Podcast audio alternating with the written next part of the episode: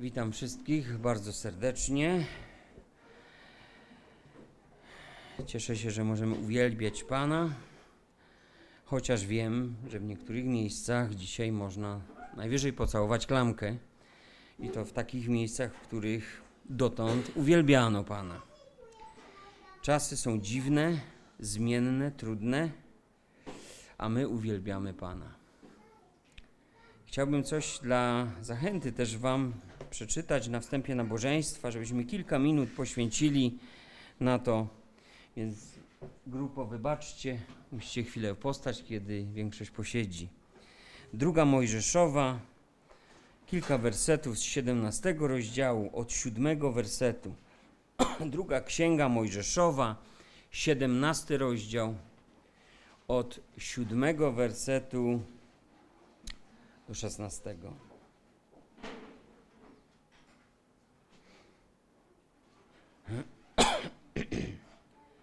I nazwał to miejsce Massa i Meriba, ponieważ synowie izraelscy spierali się tam i kusili Pana, mówiąc, czy jest Pan pośród nas, czy nie. Dodałbym, oto jest pytanie. I nadciągnęli Amalekicie, aby walczyć z Izraelem w Refidim. Wtedy rzekł Mojżesz do Jozułego, wybierz nam mężów i wyrusz do boju z Amalekitami. Jutro ja z laską Bożą w ręku stanę na szczycie wzgórza. Jozue uczynił tak, jak mu rozkazał Mojżesz i wyruszył do boju z Amalekitami, a Mojżesz, Aaron i Chór weszli na szczyt wzgórza. Dopóki Mojżesz trzymał swoje ręce podniesione do góry, miał przewagę Izrael, a gdy opuszczał ręce, mieli przewagę Amalekici. Lecz ręce Mojżesza zdrętwiały. Wzięli więc kamień i podłożyli pod niego i usiadł na nim. Aaron zaś i chór podpierali jego ręce, jeden z tej, drugi z tamtej strony. I tak ręce jego były stale podniesione aż do zachodu słońca. Tak pobił Jozue Amalekitów i ich lud ostrzem miecza. Wtedy rzekł Pan do Mojżesza, zapisz to dla pamięci w księdze i wbij to w głowę Jozuego, że całkowicie wymarzę pamięć po Amalekitach pod niebem. Potem zbudował Mojżesz ołtarz i nazwał go Pan sztandarem moim i rzekł: Przyłóż rękę do sztandaru Pana. Wojna jest między Panem a Amalekitami z pokolenia w pokolenie. Dosłownie króciutko na ten temat. Historia przypomina nam pewne wydarzenie zaraz po próbie, jakie doświadczyli Izraelici. I wiemy, że chociaż oni zawiedli, to jednak Bóg nie zawiódł, ulitował się Massa i Meriba stała się symbolem wręcz prób Izraela, bo nie jedyny raz tego rodzaju próbę przeszli, kiedy byli na pustyni. To też czytamy, było miejsce sporu. Tam kusili Pana, tam też poddawali w wątpliwość Jego obecność w ich życiu. czy jest Pan pośród nas, czy Go jednak nie ma? A jak my dzisiaj myślimy, jak Wy dzisiaj myślicie? Czy jest Pan na tym miejscu, czy go jednak nie ma? Czy to rodzaj tylko wierzenia, czy to jest duchowa rzeczywistość, która nam dzisiejszego poranku towarzyszy? Czy jest Pan w naszym życiu, czy go może jednak nie ma? Czy Bóg nadal ma wszystko w swoich rękach? Czy może od soboty już niekoniecznie wszystko. I kiedy dopiero co doświadczyli jego odpowiedzi, przyszła za pośrednictwem Mojżesza, kiedy kolejna, kiedy próba się skończyła, przychodzi kolejny jakby cios. Nadciągnęli Amalekici. Zbliżyli się nie po to, by się ładnie przywitać, ale po to, by walczyć. Ich celem było przerwanie tego pochodu Izraela. Koniec z tym. I poza tą sytuacją, gdy stanęli, gdy stanęli tutaj w otwartej walce, to Amalekici później o nich czytamy zazwyczaj kąsali pielgrzymującego Izraela. Byli mistrzami takiej wojenki podjazdowej, partyzanckiej. A więc zabijali tych na obrzeżach kąsali. ale też, trzeba przyznać, skutecznie utrzymywali cały dom Izraela w strachu. Wystarczyło, że co jakiś czas jakiś najazd, jakaś pułapka, jakieś sidła zastawili i ta wieść się rozchodziła po całym obozie. Strach rzeczywiście jest przymierzeńcem każdego, kto chce podbić jakiś naród w niewolę albo zatrzymać go, tak jak w tamtej sytuacji. I kiedyś Józef Stalin, mm, znamy z historii tą postać, powiedział takie słowa – Wolę, jak mnie popierają ze strachu, niż z przekonania. Bo przekonania są zmienne, a strach jest ciągle ten sam.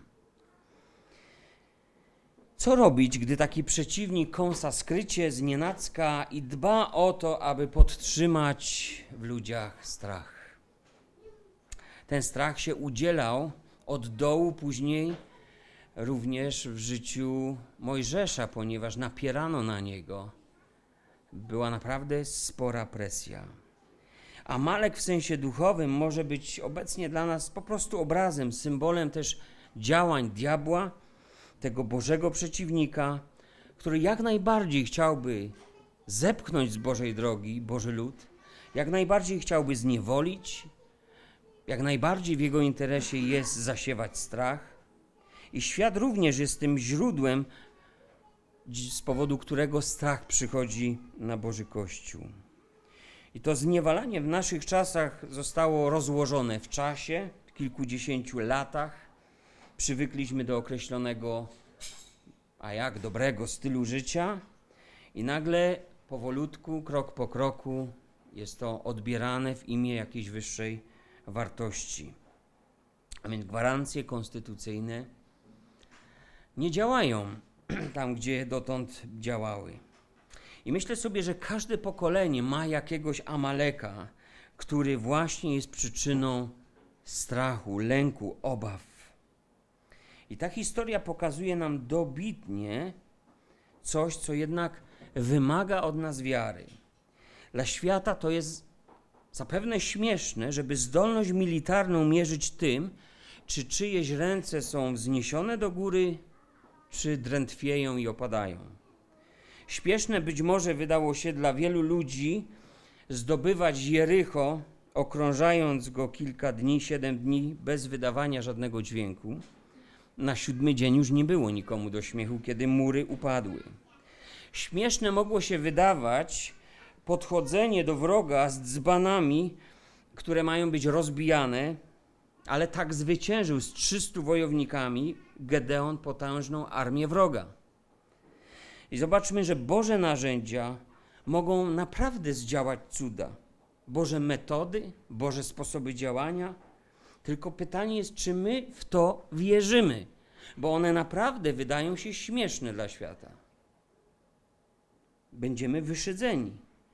Czy my zastosowalibyśmy to, co Boże, w miejsce tego, co świat mógłby uznać za gwarancję pomyślności, sukcesu, czy obecnie zdrowia?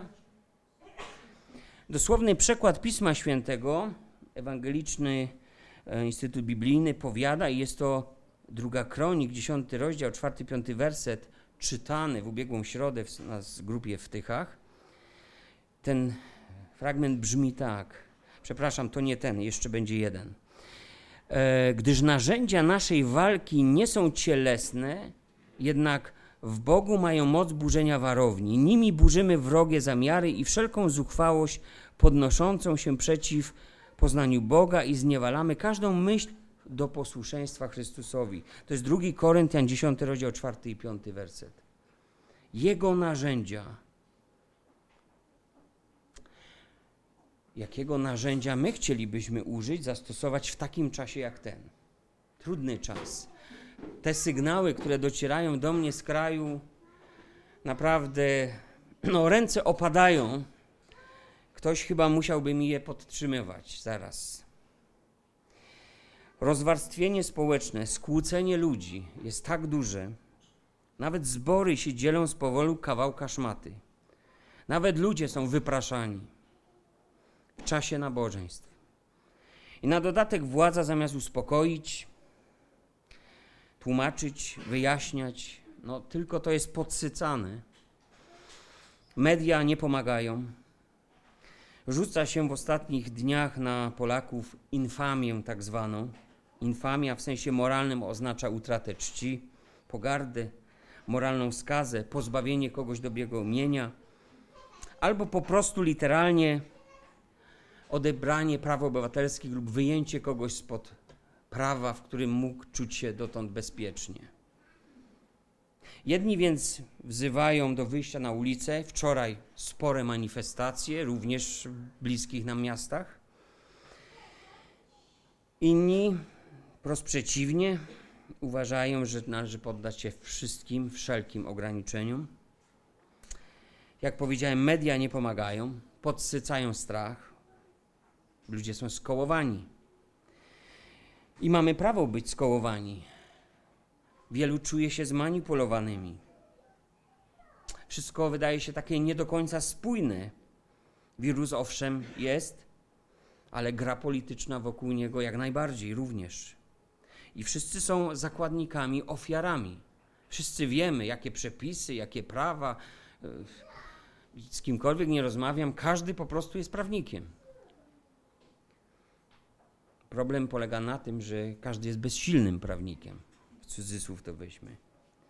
Więc stawiam pytanie: czy Kościół już użył wszystkich narzędzi, jakie podarował mu Bóg? Wielu mówi, że ten czas to sąd nad światem, ale coraz więcej osób wzywa też Kościół do pokuty, do, do upamiętania, bo powiadają, to jest wstrząs przesiewania. Bóg sądzi swój lud. Zobaczmy, że pomimo tego, co dzieje się na świecie, to w naszym kraju jest jeszcze stosunkowo bezpiecznie, spokojnie, ale na całym świecie panuje dość dziwna sytuacja, podobna, i to jest ten tekst czytany w środę, podobna do tej, którą znajdujemy w drugiej księdze Kronik, 15 rozdział. Dwa wersety z tego rozdziału. W tych czasach nie był bezpieczny ten, który wychodził, ani ten, który wchodził, gdyż nastały wielkie zamieszki dla wszystkich mieszkańców ziem. Jeden naród pokonywał drugi naród, jedno miasto, drugie miasto, gdyż Bóg niepokoił ich różną udręką. Dosłownie hebrajski tekst mówi, że nikt nie czuł się bezpiecznie, nie czuł spokoju ani w biznesie, ani w handlu, ani w jakiejkolwiek sprawie, z powodu której trzeba opuścić dom, a potem do niego kiedyś wrócić. Ludzie występowali przeciwko ludziom, naród przeciwko narodowi, miasto przeciwko miastu. Dzisiaj trzeba by powiedzieć również rasa przeciwko rasie. Wszystko niepewne, wszystko kruche, nic nie można zaplanować, nic przedsięwziąć. I co wtedy zrobił naród Izraela? Pamięta ktoś? Czasy króla Asy. Zwrócił się do Pana Boga Izraelskiego i szukał go. On też pozwolił mu się znaleźć. Tak czytamy. A więc lek na trudne czasy? Nie czujesz się bezpiecznie? Nie masz w sercu spokoju? Biblia mówi: zbliżcie się do Pana, a zbliży się do Was. Ale Jakub w swoim liście powiada jeszcze: oczyście serca ludzie o rozdwojonej duszy. I ten prorok z ducha Bożego, który prorokował za czasów Asy, kiedy przemówił do tego króla i do ludu, to mówi: Lecz wy bądźcie mocni i nie opuszczajcie rąk waszych, gdyż jest nagroda za wasze uczynki. I gdy to usłyszał, ten król poczuł się silny. Usunął wszelkie bałwany i odnowił ołtarz. A więc zszedł z drogi grzechu. On reprezentował przed Bogiem cały naród. Wrócił do Pana, bo to odnowienie ołtarza oznacza przywrócenie społeczności z nim, takiej jaka miała być, a nie było jej. Lud zaczął wznosić ręce, omdlałe, które może już opadały. A myślę sobie, że my, chrześcijanie, mamy jeszcze coś więcej niż ręce, bo list do Hebrajczyków mówi: Dlatego opadłe ręce i omdlałe kolana znowu wyprostujcie i prostujcie ścieżki dla nóg swoich, aby to, co chrome, nie zboczyło, ale raczej uzdrowione zostało. Jeśli nawet jesteśmy sądzeni przez Pana, dla wierzących ludzi ten tekst powiada, to jest wielki, błogi owoc. Dla niewierzących nic tu nie działa ku dobremu, tylko wywołuje bunt.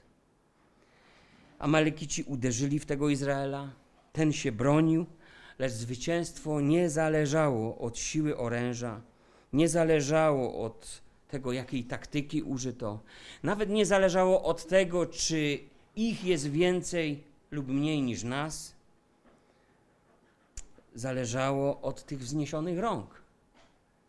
Bibliści jednak sugerują, bo choć jest to wspaniały obraz modlitwy, uwielbienia dla Boga, to sugerują jeszcze coś ważnego, na co wskazuje hebrajski tekst, a mianowicie, że ten gest wzniesionych rąk to jest oddanie pod całkowitą zależność, oddanie się pod całkowitą zależność Boga. Obojętnie jak skończy się ta walka, niezależnie od tego, jaki będzie finał tej potyczki, wzniesione ręce Izraela oznaczają: My należymy do Boga. Wola Boża wydaje się, że jest wtedy już możliwa do odczytania, kiedy jest to poddanie się Bogu w Jego ręce, bowiem kiedy te ręce są u góry Arona, wówczas Izrael zaczyna zwyciężać. Więc jeśli chcemy odczytywać Boże zamiary, Boże kroki w trudnych czasach, jeśli chcemy mieć takie prawdziwe lekarstwo na kolejne, medialne informacje, które nami wstrząsną, to trzeba doprowadzić te swoje kolana do omdlenia, trzeba te ręce doprowadzić do stanu, w którym już ci opadają. Innymi słowy mówiąc, społeczność z Panem. Społeczność z Panem jest tym lekarstwem, którego potrzebuje Kościół. Pewnego razu chrześcijanie wspólnie razem podnieśli głos do Boga. Podnieśli go dlatego, bo ponieważ bali się w obliczu strachu, pogróżek to zrobili, a gdy skończyli modlitwę, zostali napełnieni Duchem Świętym. Lęk ustąpił, ustąpił na rzecz posłuszeństwa woli Bożej. I głosili z odwagą Słowo Boże, Ewangelię głosili dalej. I myślę tak, na koniec mówiąc, my nie potrzebujemy mniej się bać, ale potrzebujemy tą swoją walkę, te swoje obawy, te swoje różne lęki, poniekąd słuszne, potrzebujemy je poświęcić Bogu. Potrzebujemy zadedykować tą naszą sytuację życiową w tych trudnych czasach, potrzebujemy zadedykować ją Bogu. Potrzebujemy poddać się pod tą ciążącą na tym świecie rękę Bożą. Co do tego już mało kto ma wątpliwości, bo On dozwolił na to, aby działo się to, co ma miejsce teraz. I zgodnie z tym, jak naucza apostoł Piotr, przeto ci, którzy cierpią według woli Bożej, niech dobrze czyniąc powierzą wiernemu Stwórcy dusze swoje. A więc poddawajmy się. Powierzajmy Panu, nie człowiekowi, Panu nasze życie w modlitwie. Kto wie, może pożałuje Bóg nieszczęścia? Kto wie, może wejrzy Pan na swój lud? Kto wie, może Jego ręka okaże się dobrotliwa i nie będzie nam ciążyła, Bożemu ludowi. Kto wie, może odsunie Pan czasie wydarzenia, które zbliżają nas do końca. Kto wie, może Pan zatrzyma zarazę, a czy nie czytamy, że tak się wydarzyło? Chciejmy w naszych modlitwach i wołaniach nie tylko myśleć o tym, co uczyni nasze życie lżejszym, co uczyni nasze życie wygodniejszym, co sprawi, że nasze plany w końcu się zrealizują, że nasze urlopy w końcu wypalą, że nasze wyjazdy, wycieczki i wszystko, co tam chcemy i mieliśmy, że się w końcu uda. Może czas jest ku temu, aby powiedzieć: Pan sztandarem moim.